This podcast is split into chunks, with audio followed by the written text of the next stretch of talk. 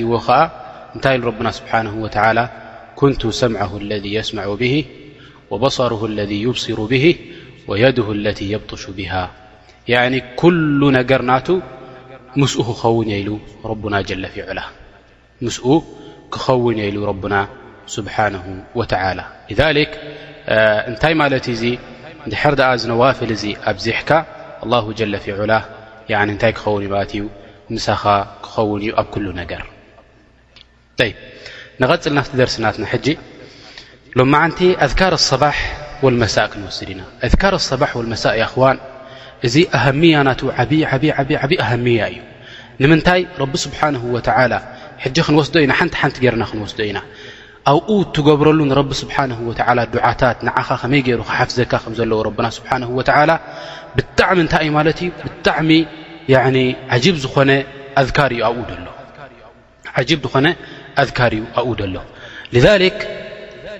እዚ ኣዝካር ኣሰባሕ ወልመሳእ ኣነ ወስየት ኩሉ ኣሓድ ኩላትና ኣብዚ ዘለና ወስያ ናተይ እንታይ እዩ ማለት እዩ እንታይ ክንገብር ኣለና ከምቲ ኣብ መጀመርያ ተሰማማዕናሉ ምስ ወሰድናዮ ኣብ ተግባር ከነውዕሎ ክንክእል ኣለና ኣብ ተግባር ከነውዕሎ ክንክእል ኣለና ምእንቲ ተመራ ናቱ ትፍረ ናቱ ምእንቲ ኣብ ሓያት ናትና ምእንቲ ክንርእዮ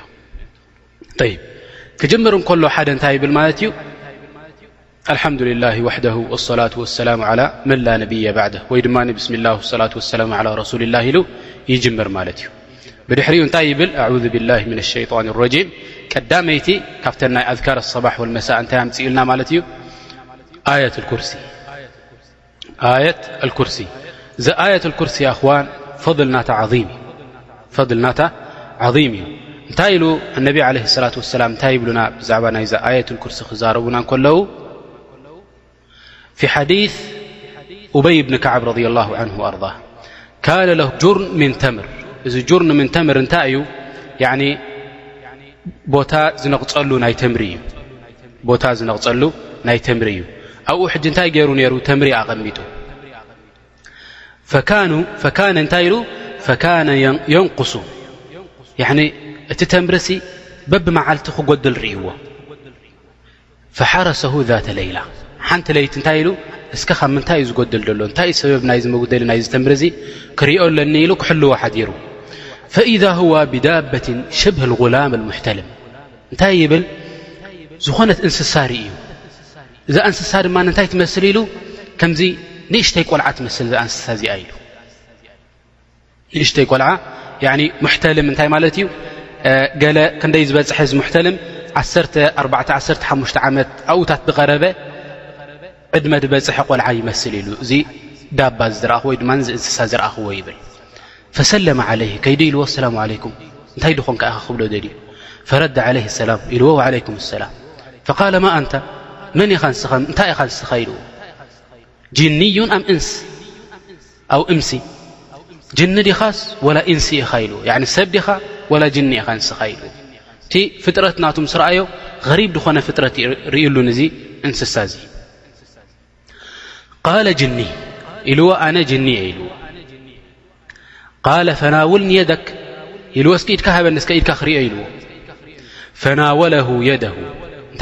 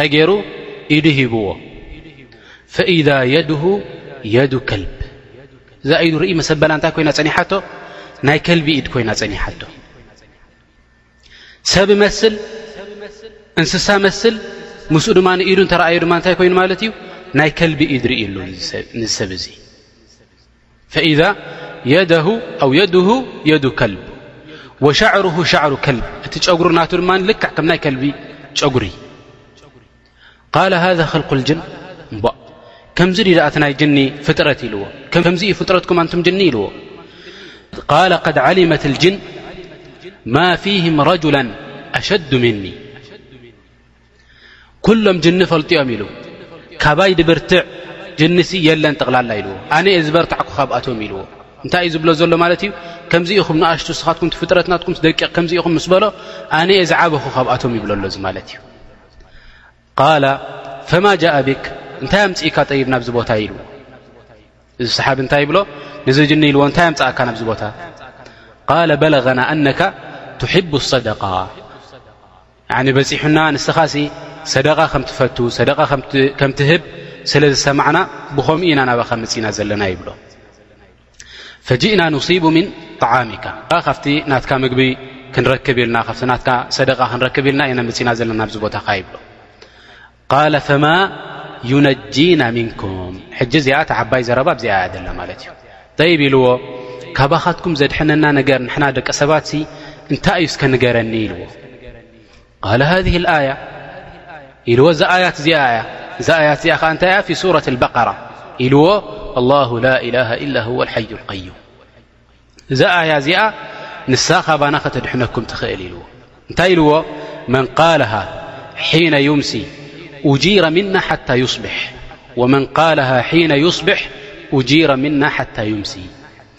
ሓደ ሰብ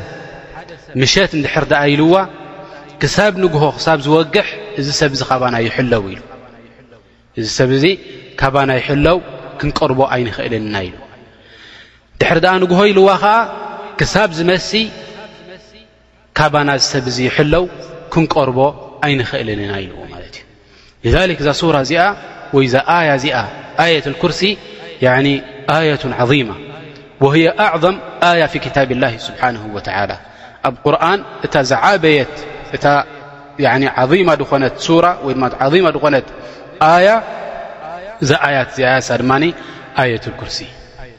ኣየት ልኩርሲ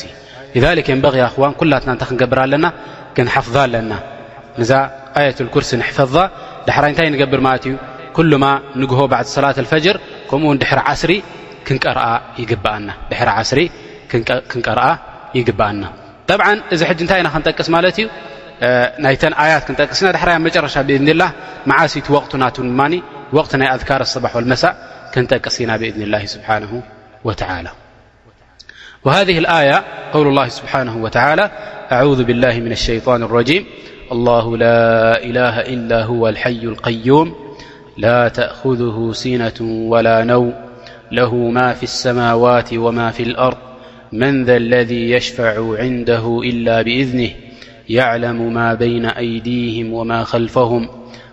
ولا يحيطون بشيء من علمه إلا بما شاء وسع كرسيه السماوات والأرض ولا يؤوده حفظهما وهو العلي العظيم آية الكرس آية الكرس كمت تقسناي كنحفظ النا منت كنطبغ ا آية بدحر يقرأ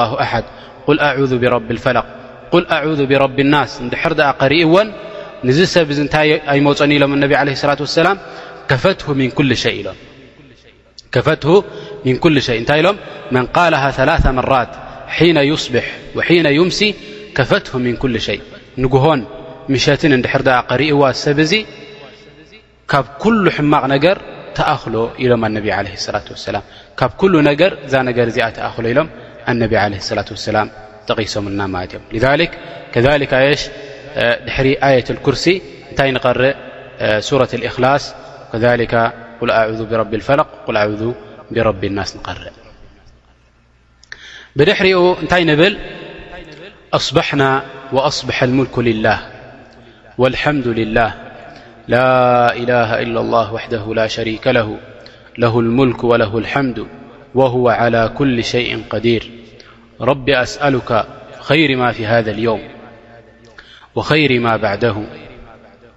وأعوذ بك من شر ما في هذا اليوم وشر ما بعده رب أعوذ بك من الكسل وسوء الكبر رب أعوذ بك من عذاب في النار وعذاب في القبرإ እዚ እንታይ ይብል ንግሆ ከምዚ ይብል ማለት እዩ ንግሆ እንታይ ይብል ኣስባሕና ኣስበሐ ልሙልኩ ልላ ምሸት እንተኮይኑ ከዓ እንታይ ይብል ኣምሰይና ኣምሰ ልሙልኩ ልላ እታ ዝጠቀስናያ ኩላ ይብላ ማለት እዩ ይ ናብቲ ማዕና ናቱ ክንኣቱ ሕጂ እንታይ ይብል ኣሎ ሓደ ሰብ እቲ ዚክር ትገብር ሰብ እንታይ ይብል ኣሎ ማለት እዩ ኣስባሕና ኣስበሐ ልሙልኩ ልላ ንሕና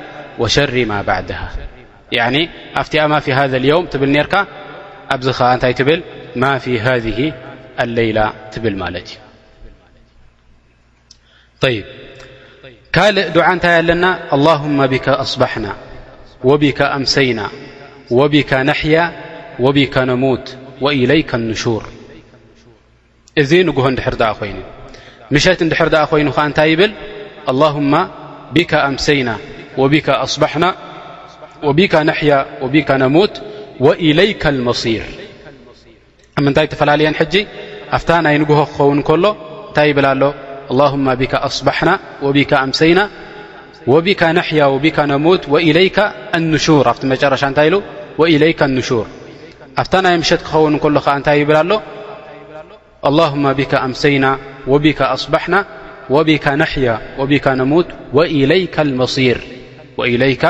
ኣልመሲር ያዕኒ እሽ ኣብቲ ንግሆ ወኢለይካ ንሹር ክኸውን ከሎ ልክዕ ካብ ድቃስ ክትስእ እንከለኻ ከምቲ ኣብ ዮም ቅያማ ናብ ንሹር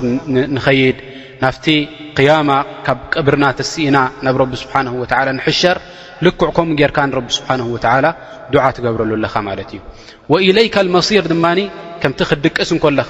ክትድቅስ እንከለኻ እንታይ ኢልካ ዱዓ ትገብር ናብ ረቢ ስብሓን ወተላ ሰይሩራ ይበሃል እዚ ሰይሩራ ልክዕ ከም ሞት ማለት እዩ ንምንታይ እታ ድቃስ ሞት ስለ ዝኾነት ከምዚ ናብ ረቢ ስብሓን ወተላ ገጽካ ትኸይድ ደለኻ ኢልካ ድዓ ትገብር ኣለኻ ማለት እዩ ይ ማዕና ናቱ ኣላሁማ ቢካ ኣስባሕና እንታ ጐይታይ ብኣኻ ኢና ናብዚ ንግሆ ዝበጺሕና ዘለና ትብሎ ንረቢ ስብሓን ወተላ ያዕኒ በቲ ንዕማ ናትካ በቲ ፈضል ናትካ ብኸምኡ ኢና ናብዚ ንግሆ እዚ በፂሕና ዘለና ትብሎ ንረብና ስብሓን ወተላ ወቢካ ኣምሰይና ወቢካ ኣምሰይና ብኣኻ እውን ነምሲ ከምቲ ንግሆ ብኣኻ በቲ ንዕማ ናትካ ዘውጋሕናዮ ትብል ማለት እዩ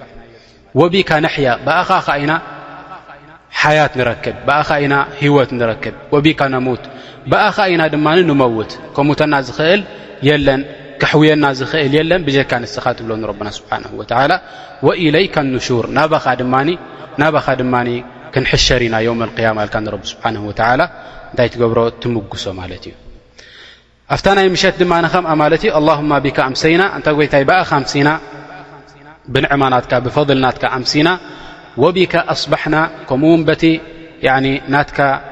ንዕማ በቲ ናትካ ፈضል ድማ ነውግሕ ትብሎ ንረብና ስብሓንሁ ወተዓላ ወቢካ ነሕያ ብኣኻ ህይወት ንረክብ ወቢካ ነሙት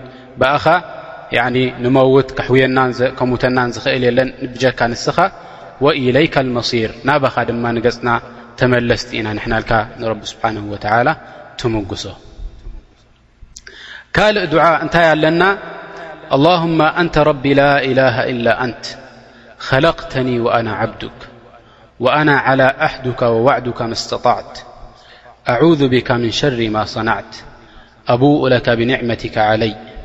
ወኣቡኡ ብዘንቢ ፈግፊርሊ ፈኢነሁ ላ የግፊሩ ኣዝኑበ ኢላ ኣንት ኣላሁ ኣክበር የኣኽዋን እዛ ሓዲስ እዚኣ ወይ ድማ እዛ ዚክር እዚኣ እንታይ ተባሂላ ትፅዋዕ ሰይድ እስትቕፋር ተባሂላ ትፅዋዕ ሰይድ ኣልእስትቕፋር እዚኣ እታ ዝዓበየት ናይ እስትቕፋር ሰይድ ጎይታ ናይ እስትቕፋር ኢሎም ፀዊዖማ ንዛ ዚክር እዚኣ ጎይታ ናይ እስትቕፋር ኢሎም ፀዊዖማ እዛ ዚክር እዚኣ እዛ ዚክሪ እዚኣ ዓብዪ ዝኾነ ዓስቢ ኣለዋ ኣብ ረብና ስብሓን ወተላ ሓደ ሰብ ንዚኣ ኢልዋ ድር ንዚኣ ኢልዋ እንድሕር ኣ ረቢ ስብሓን ወላ ንግሆ ኢልዋ ብድሕሪኡ እንድሕር ኣ ሞይቱ ረቢ ስብሓን ወላ ንጀና የእትዎ ናይ ምሸት ኢልዋ እንድሕር ኣ ንንግሆ ኣ ሞይቱ ዝሰብ እዚ ወይ ድማ ኣብ ለይቲ እንድሕር ኣ ሞይቱ እዚ ሰብ እዚ ንጀና ረቢ ስብሓን ወላ የእትዎ ማለት እዩ ኣላሁ ጀለ ዋዓላ ኣውጀበ ዓላ ነፍሲ ኣን ዩድኪለሁ ልጀና ንነብሱ እንታይ ገይሩላ ረብና ስብሓን ወተዓላ ዋጅብ ገይሩላ ንዚ ሰብ እዙ ንጀና ንኸእትዎ እንተ ኣዚኣ እዛ ዝበልናያ ጎይታ ናይ እስትቕፋር ወይ ድማ ሰይዱ ልእስትቕፋር እንታይ ይብል ኣሎ እዚ ሰብ እዚ ዱዓ ክገብር እንከሎ በዛ ሰይዱ ልእስትቕፋር ኣላሁማ ኣንተ ረቢ ላኢላሃ ኢላ ኣንት ኣንታ ጐይታይ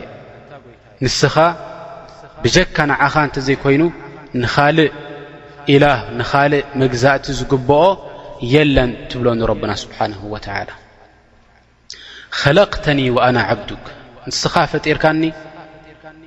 እዕተርፍ ኣለኹ ንስኻ ኢኻ ፈጣሪ ናይ ኩሉ ክፈጥር ዝኽእል ብጀካኻ የለን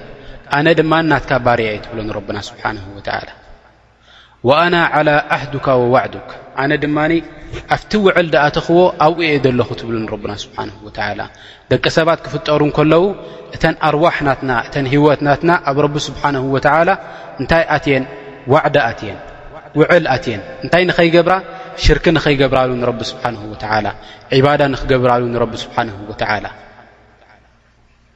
ሕጂ ኣብቲ ልክዕ ዝኣተኽዎ እዋን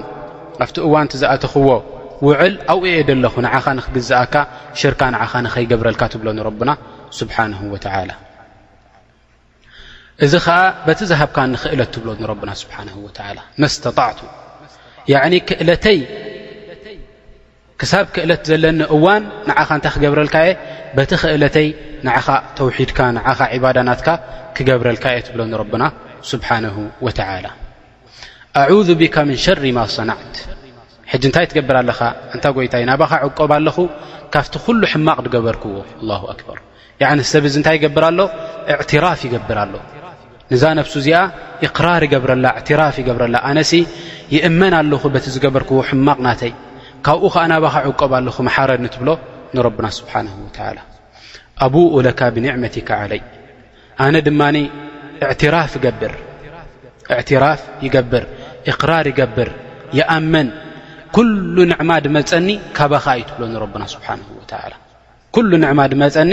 ካባኻ እዩ ትብሎ ንረብና ስብሓን ወተላ ኣላ ኣክበር ገለ ሰብ እንታይ ይመስሎ ሽሻይ ድሃቦ ረብና ስብሓን ወተላ ርዝቅናቱ ዋስዕ ድገበረሉ ወይ ኣቦይ ሓፍታም ስለ ዝነበረ ካብ ኣቦይ ዝወረስክዎ እየ ወይ ድማ ምሁር ስለ ዝኾንኩ ብትምህርተይ ዘምፃእክዎ እየ ወይ ከምዚ ዝኣምሰለ ጥበብ ስለ ዘለኒ ብጥበበይ ደምፃእክዎ እየ ዝብል ኣብ ሓንጎሉ ምናልባት ይመፁ ንደቂ ሰባት ማለት እዩ እዚ ጌጋ እዩ ኣብ ዓለም ድሕር ዳሪኻየ ሕጂ ብዙሓት ምሁራት ኣለዉ ድኻታት ይነብሩ ብዙሓት ሰባት ኣለዉ ምርሻ ካብ ስድርኦም ዝወሰዱ ላኪን ድሕርቲ ምርሻ መዓት መላይን ዝወረስዎ ብድሕሪኡ እንታይ ወፅኦም ማለት እዮም ድኻታት ወፅኦም ንምንታይ ንዕማ ኩሉ ካብ መን ምዃኑ እዩ ካብ ረቢ ስብሓን ወተላ ጥራህ ማለት እዩ ፈንታይ ትብል ኣለኻ ኩሉ ንዕማ ዝመፀኒ ኩሉ ሽሻይ ድመፀኒ ካባኻ እዩ ትብሎ ንረብና ስብሓን ወላ ብኡ ይእመን ኣለኹ ትብሎ ንረብና ስብሓን ወላ ወኣብኡ ብዘንቢ በቲ ናተይ ጉድለት በቲ ናተይ ዘንቢ በቲ ናተይ ተቕሲር ድማ ይእመን ትብሎ ንረብና ስብሓን ወላ ሂብካኒ ኩሉ ጌርካለይ ኣነ ድማ ኣጉዳላይ ምዃነይ ይእመን ኣለኹ ትብሎ ንረብና ስብሓንሁ ወተላ ብድሕሪኡ እንታይ ትልምን ፈፊርሊ ፈኢነሁ ላ የፊሩ ذኑባ ኢላ ኣንት ላ ኣክበር የእመን ኣለኹ ክምሕረኒ ዝኽእል ከዓ ወላ ሓደ የለን ብጀካ ንስኻ ናተይ ጎደሎ ናተይ ዘንቢ ኩሉ ናተይ ጌጋታት ክድምስሶ ክምሕር ዝኽእል የለን ብጀካ ንስኻ ስለዚ እንታይ ግበረለይ መሓረኒ ኢልካ ንረብና ስብሓን ወተላ ትልሙና ማለት እዩ ሊክ እዚኣ እንታይ ኢሎማ ማለት እዮም እዚኣ ዋሕዳንያ ናይ ረቢ ስብሓን ወተላ ተውሒድ ኣለዋ ከምኡ ውን እቅራር ብንዕማ ናይ ረቢ ስብሓን ወተላ ኣለዋ ከምኡ ውን እቅራር ብዘንብ ኣነሲ ጌገኛ ኢልካ ምእማን ኣለዋ በዚ ኩሉ እዚ እንታይ ኢሎማ እዛ እስትቕፋር እዚኣ ሰይዱ እስትቕፋር ኢሎም ፀዊዖማ ማለት እዮም ወይ ድማ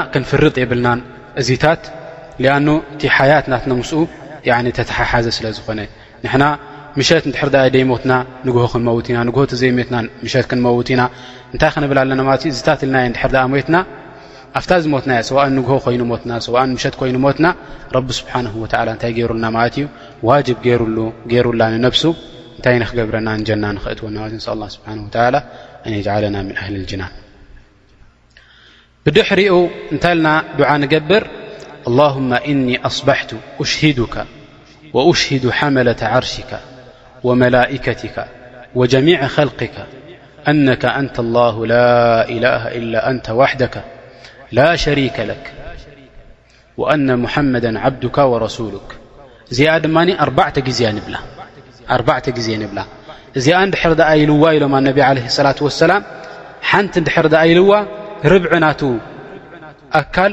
ካብ ምንታይ ካብ ናሪ ጀሃነብ ረቢ ስብሓን ወተዓላ ነፃ ይብሎ እንድሕር ደኣ ክልተ ግዜ ኢልዎ ፍርቂ ናቱ ካብ ጀሃነም ነፃ ብሎ ረብና ስብሓን ወተዓላ ሰለስተ ግዜ እንድሕር ደኣ ኢልዋ ሰለስተ ርብዒ ናቱ ካብ ጀሃነም ረቢ ስብሓን ወተዓላ ነፃ ይብሎ ኣርባዕተ ግዜ እንድሕር ደኣ ኢልዋ ኸዓ ኩሉ ጀሰድ ናቱ ካብ ናሪ ጀሃነም ረቢ ስብሓን ወተዓላ ነፃ ይብሎ ማለት እዩ እዙ ዓብዪ ዓስቢ እዩ ረቢ ስብሓን ወተዓላ ገይሩልና ዘሎ ኣብዚ ኣትካር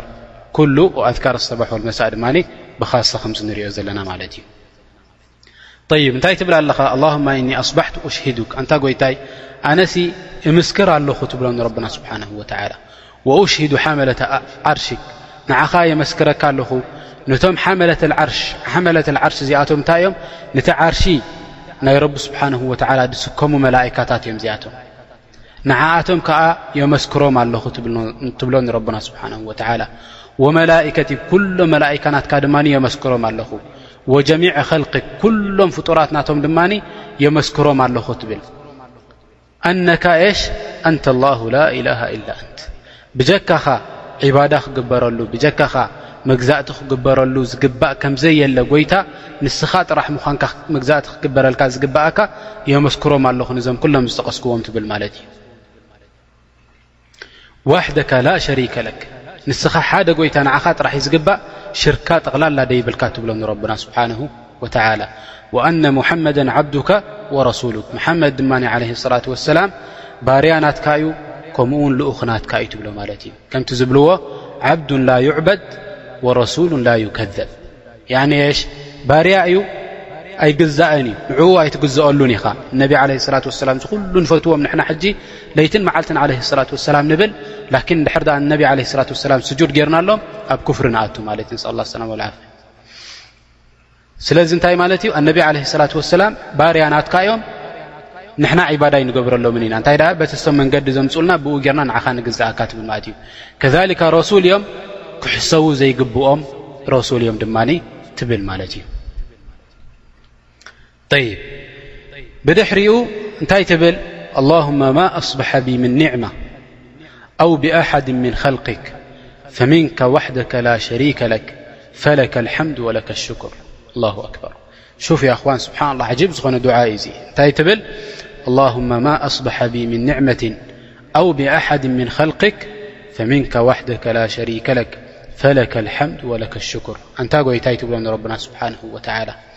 ኩሉ ንዕማ ማ ኣስበሐ ብ ምን ኒዕማ ናባይ መፅኢ ዘሎ ንዕማ ኣብዚ ወጋሕታ እዚ ኣብዚ መዓልቲ እዚ ኣው ብኣሓድ ምን ኸልክ ወይ ድማ ናብ ዝኾነ ፍጡር ናትካ ናብ ዝኾነ ፍጡራት ናትካ መፅኢ ዘሎ ንዕማ ሽሻይ ካብ መን እዩ ትብል ፈሚንካ ካባኻ እዩ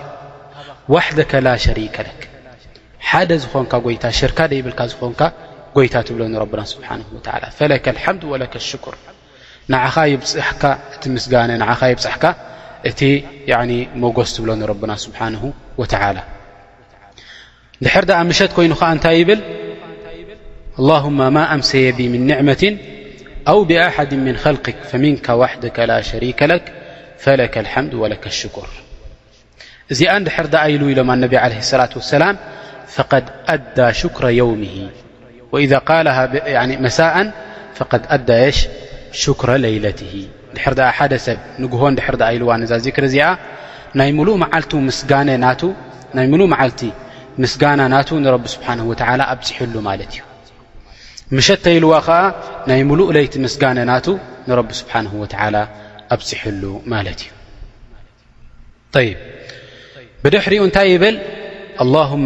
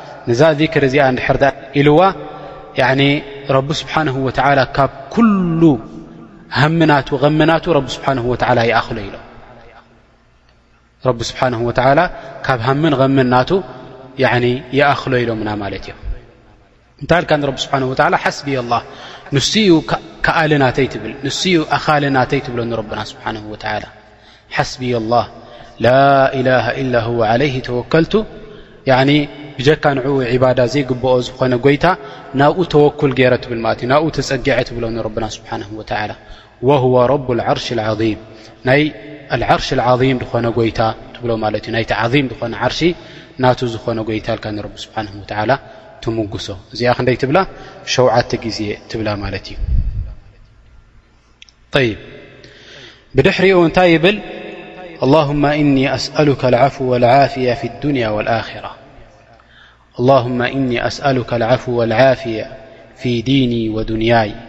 وأهلي ومالي اللهم استر عوراتي وآمن روعاتي اللهم احفظني من بين يدي ومن خلفي وعن يميني وعن شمالي ومن فوقي وأعوذ بعظمتك أن أغتال من تحتي الله أكبر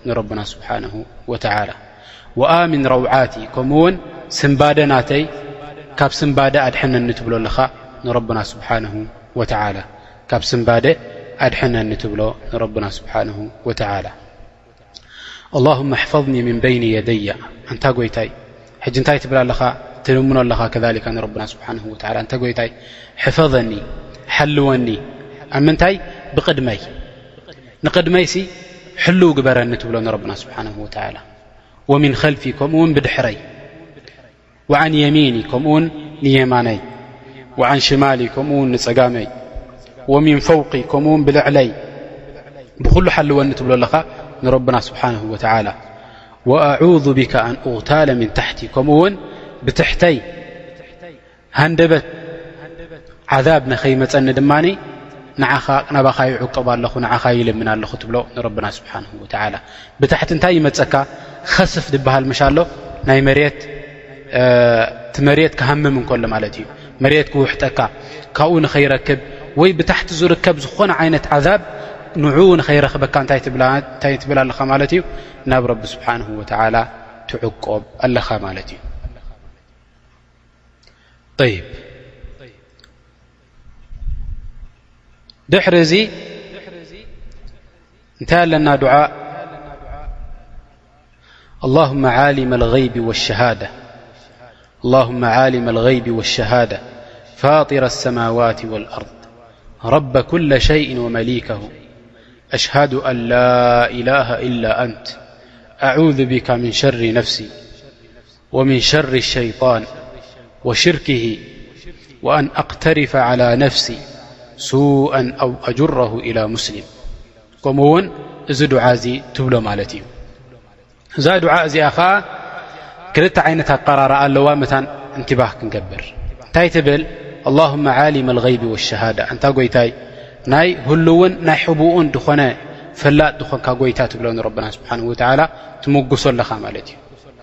ፋጢራ ኣሰማዋት ወልኣርድ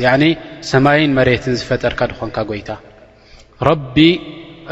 ኩለ ሸይን ወመሊከሁ ናይ ኩሉ ጎይታ ዝኾንካ ናይ ኩሉ መላኺ ዝኾንካ ጎይታ ትብሎ ንረብና ስብሓን ወተላ ኣሽሃዱ ኣን ላኢላሃ ኢላ ኣንት ምስክር ኣለኹ ብጀካ ንዓኻ እተዘይኮይኑ ንኻልእ መግዛእቲ ዘይግባእ ድኾንካ ጎይታ ንስኻ ኢኻ ትብሎ ንረብና ስብሓን ወተላ ኣዙ ብካ ምን ሸሪ ነፍሲ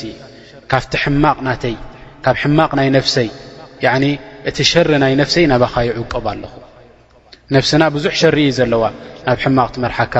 ሕማቕ ንሰብ ክትገብር ትእዝዘካ ካብኡ ናባኻ እንታይ ይገብር ኣለኹ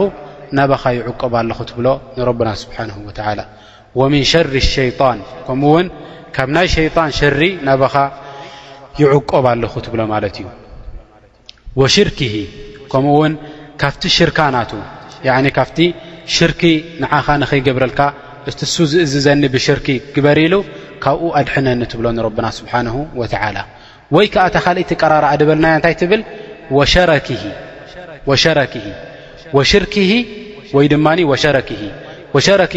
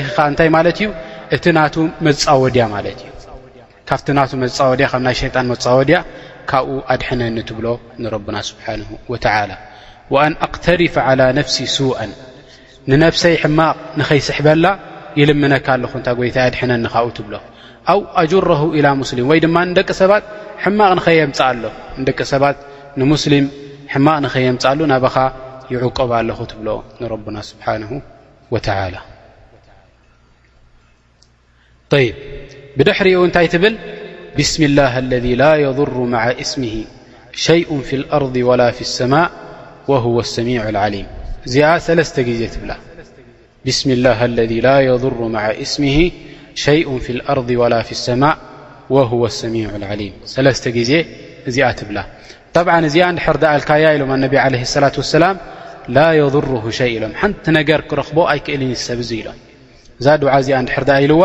ወላ ሓንቲ ክረኽቦ ዝኽእል ንዚ ሰብ እዚ ክኣዝዮ ዝኽእል የለን ይብሉ ማለት እዮም ኣነቢ ዓለ ሰላት ወሰላም እንታይ ትብል ኣለኻ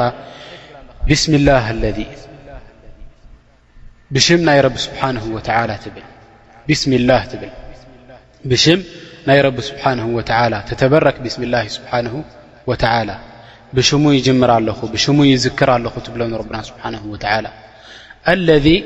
ላ የضሩ ማዓ እስምሂ በቲ ሽሙ እንድሕር ድኣ ዚክሪ ጌርካ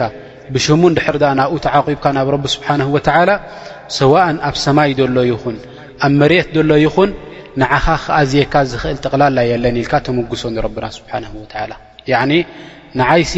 ኣብ ሰማይ ዘሎ ይኹን ኣብ መሬት ዘሎ ይኹን ኩሉ እንታይ ክገብረኒ ኣይክእልን እዩ ክኣዝየኒ ወይ ድማ ክጎድኣኒ ኣይክእልን ኢልካ ንረቢ ስብሓን ወተዓላ ትምጉሶ ወህወ ሰሚዑ ዓሊም ንሱ ድማ ሰማዓ እዩ ትብሎ ንረብና ስብሓን ወላ ከምኡ እውን ፈላጥ እዩ ትብሎ ንረብና ስብሓን ወተዓላ እዛ ዚክሪ እዚኣ ሰለስተ ግዜ ትብላ ሰለስተ ግዜ ምሸት ሰለስተ ግዜ ንግሆ ማለት እዩ ከምኡ ውን እንታይ ትብል ረضቱ ብላه ረባ ወብእስላም ዲና ወብሙሓመድ صለ ላه ለ ወሰለም ነብያ ብረቢ ስብሓንሁ ወተላ ፈትየ ኣለኹ ንሱ ጎይታይ ምዃኑ ትብል ንረብና ስብሓን ወላ ወብእስላም ዲና ከምኡውን ብእስልምና ሃይማኖት ብእኡ ፈትየ ኣለኹ ንስ ዩ እቲ ናይ ብሓቂ ትኽክል ዝኾነ ሃይማኖት እሱ እየ ኸዓ ድፈትወሉ ንነብሰይ ትብል ማለት እዩ وبمحمد صلى الله عليه وسلم نبي كمون بمحمد عليه الصلة والسلام ب رب سبحانه وتل ل نب ب ون فتي ال بل نربن سبحانه وتعال ر لك لم انب عليه الصلة وسلام الله سبحانه وتعل يرضيك في الدنيا وفي الآخرة رب سبحانه وتعال يفتوك ب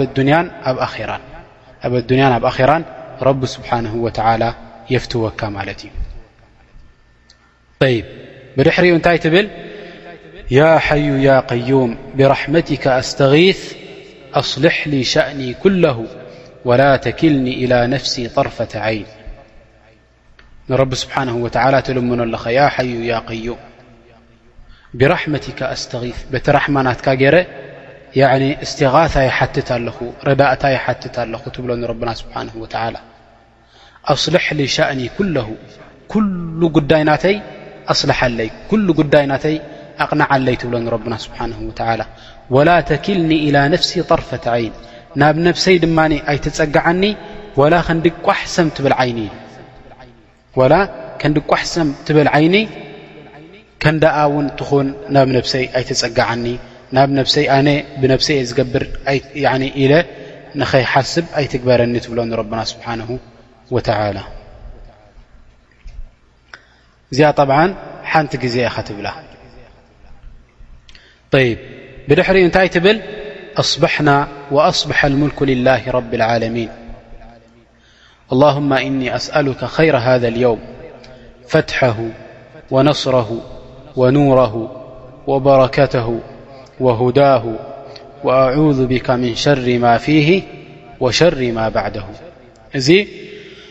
نجه دحر د ين مشت نت ين نت يبل أمسينا وأمسى الملك لله رب العالمين اللهم إني أسألك خير هذه الليلة فتحها ونصرها ونورها وبركتها وهداها وأعوذ بك من شر ما فيها وشر ما بعدها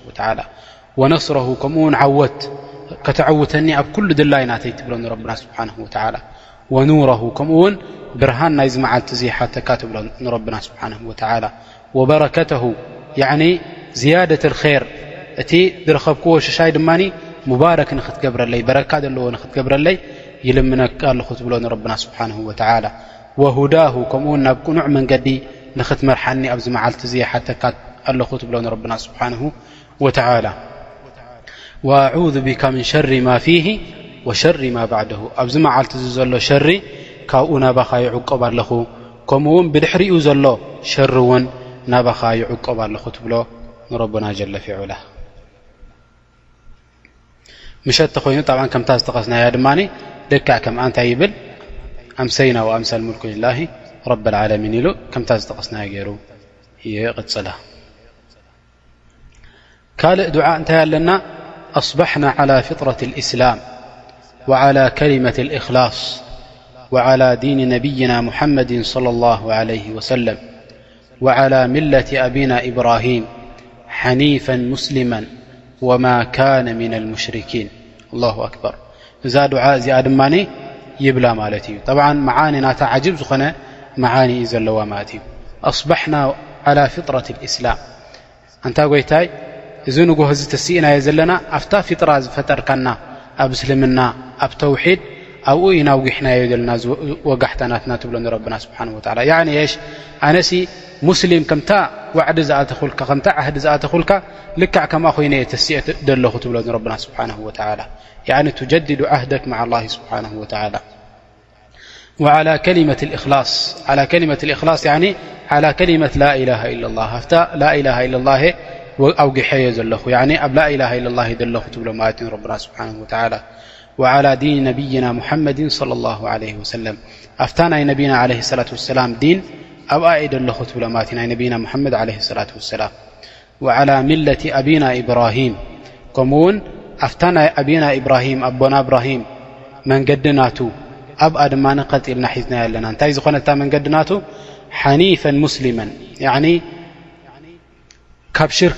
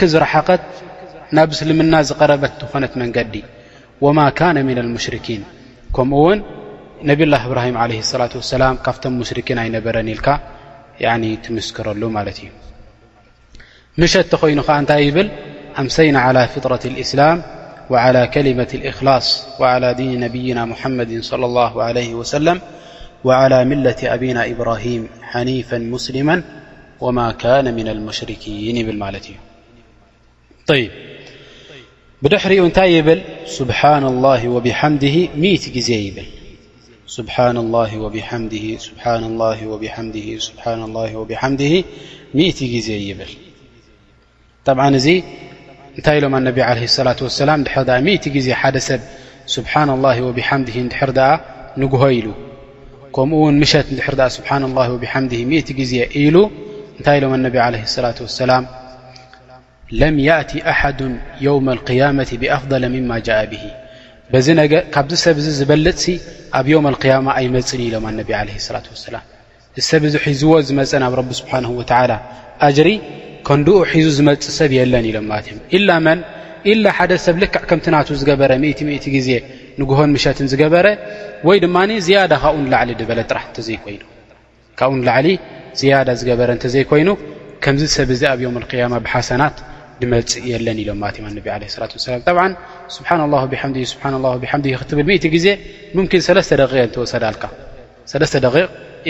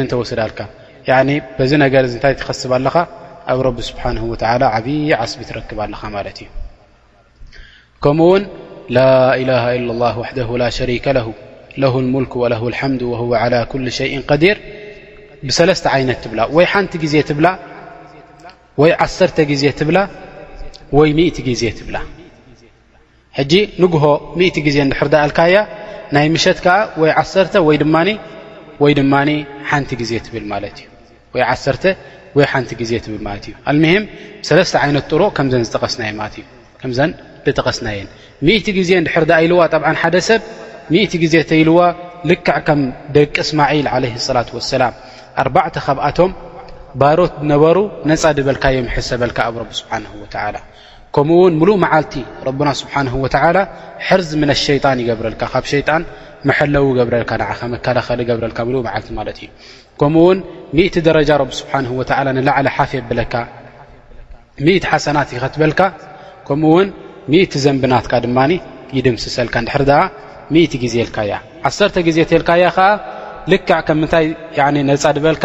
ሓደ ካብቶም ደቂ እስማዒል ዓለ ሰላት ወሰላም ካብኣቶም ሓደ ነፃ ከም ድበልካ ይሕሰበልካ ማለት እዩ ካብኣቶም ሓደ ነፃ ከም ድበልካ ይሕሰበልካ ማለት እዩ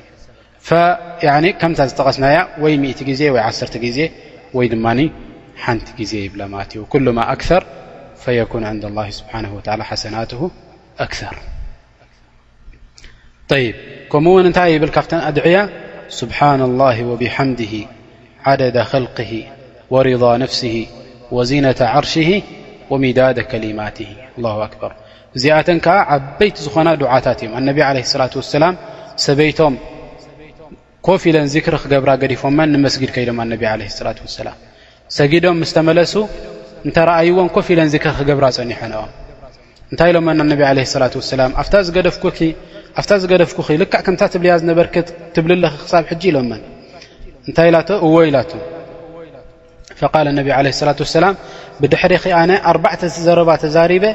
ልክዕ ካብዚ ናትኪ ዝበልክዮ ካብኡ ድበልፅ ንዓይ ይፅሓፈለይ ሓሰናት ኣብ ረቢ ስብሓን ወተዓላ ኢሎማ ንሰን ከዓ እንታይ እየን ኢሎማ ንነቢ ዓለ ስላት ወሰላም ስብሓና ላሂ ወብሓምድሂ ዓደዳ ኸልቅሂ ወሪዳ ነፍስሂ ወዚነታ ዓርሽሂ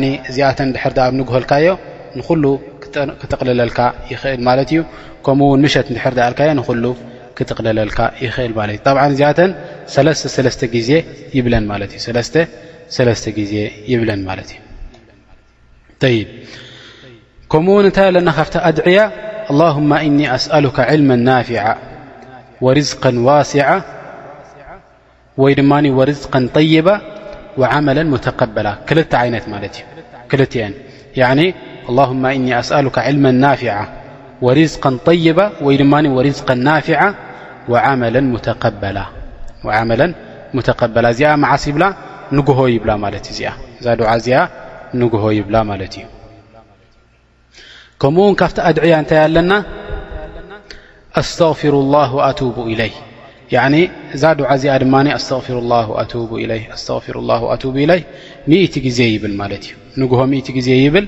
ምሸት ድማ ሚእቲ ግዜ ይብል ኣነቢ ዓለ ሰላት ወሰላም ኣብ ሓደ ቦታ ኮፍ ክብሉ እንከለዉ ሰሓባ ክንደይ ግዜ ቆፅርሎም ነይሮም ማለት እዮም ሚእቲ ግዜ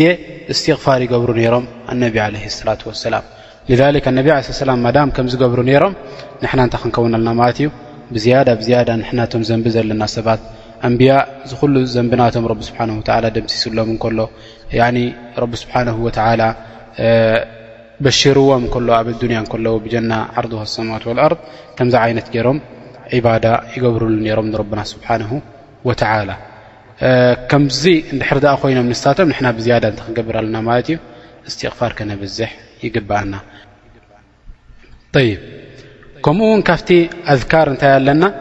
ኣዑዙ ብከሊማት ላሂ ታማት ምን ሸሪ ማ ኸለቕ እዚኣ ድማ ሰለስተ ግዜ ምሸት ይብላ ሰለስተ ግዜ ምሸት ይብላ ማለት እዩ ከምኡ ውን እንታይ ብምንታይ ይዓፁ ማለት እዩ ኣላሁመ ሰሊ ዓላ ሙሓመድን ወዓላ ኣሊ ሙሓመድ እዚኣ ድማ ዓሰርተ ግዜ ምሸት ዓሰርተ ግዜ ንግሆ ይብላ ማለት እዩ ዓሰርተ ግዜ ምሸት ዓሰርተ ግዜ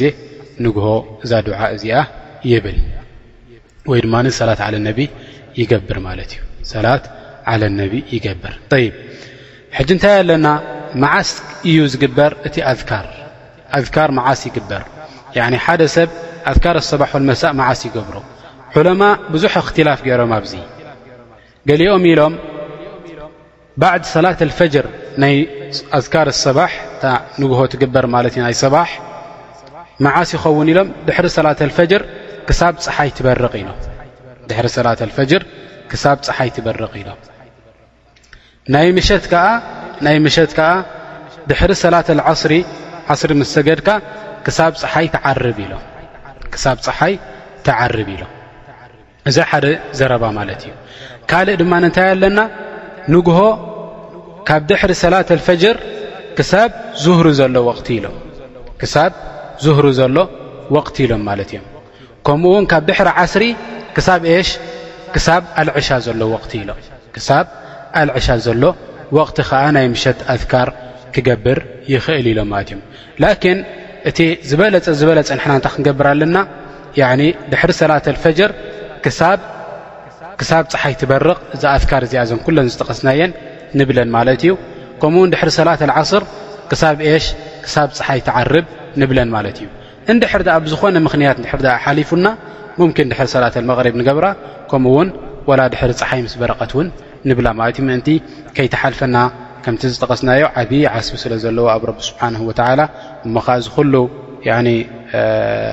ፈضሊ እዚ ምእንቲ ከይሓልፈና ኣብ ረቢ ስብሓን ወተዓላ ከየሕለፍናያ ክንሓልፍ ኣለና ማለት እዩ እንስ ላ ስብሓን ወተላ ኣን የጅዓለና ምን ኣዛኪሪና ልላ ስብሓን ወተላ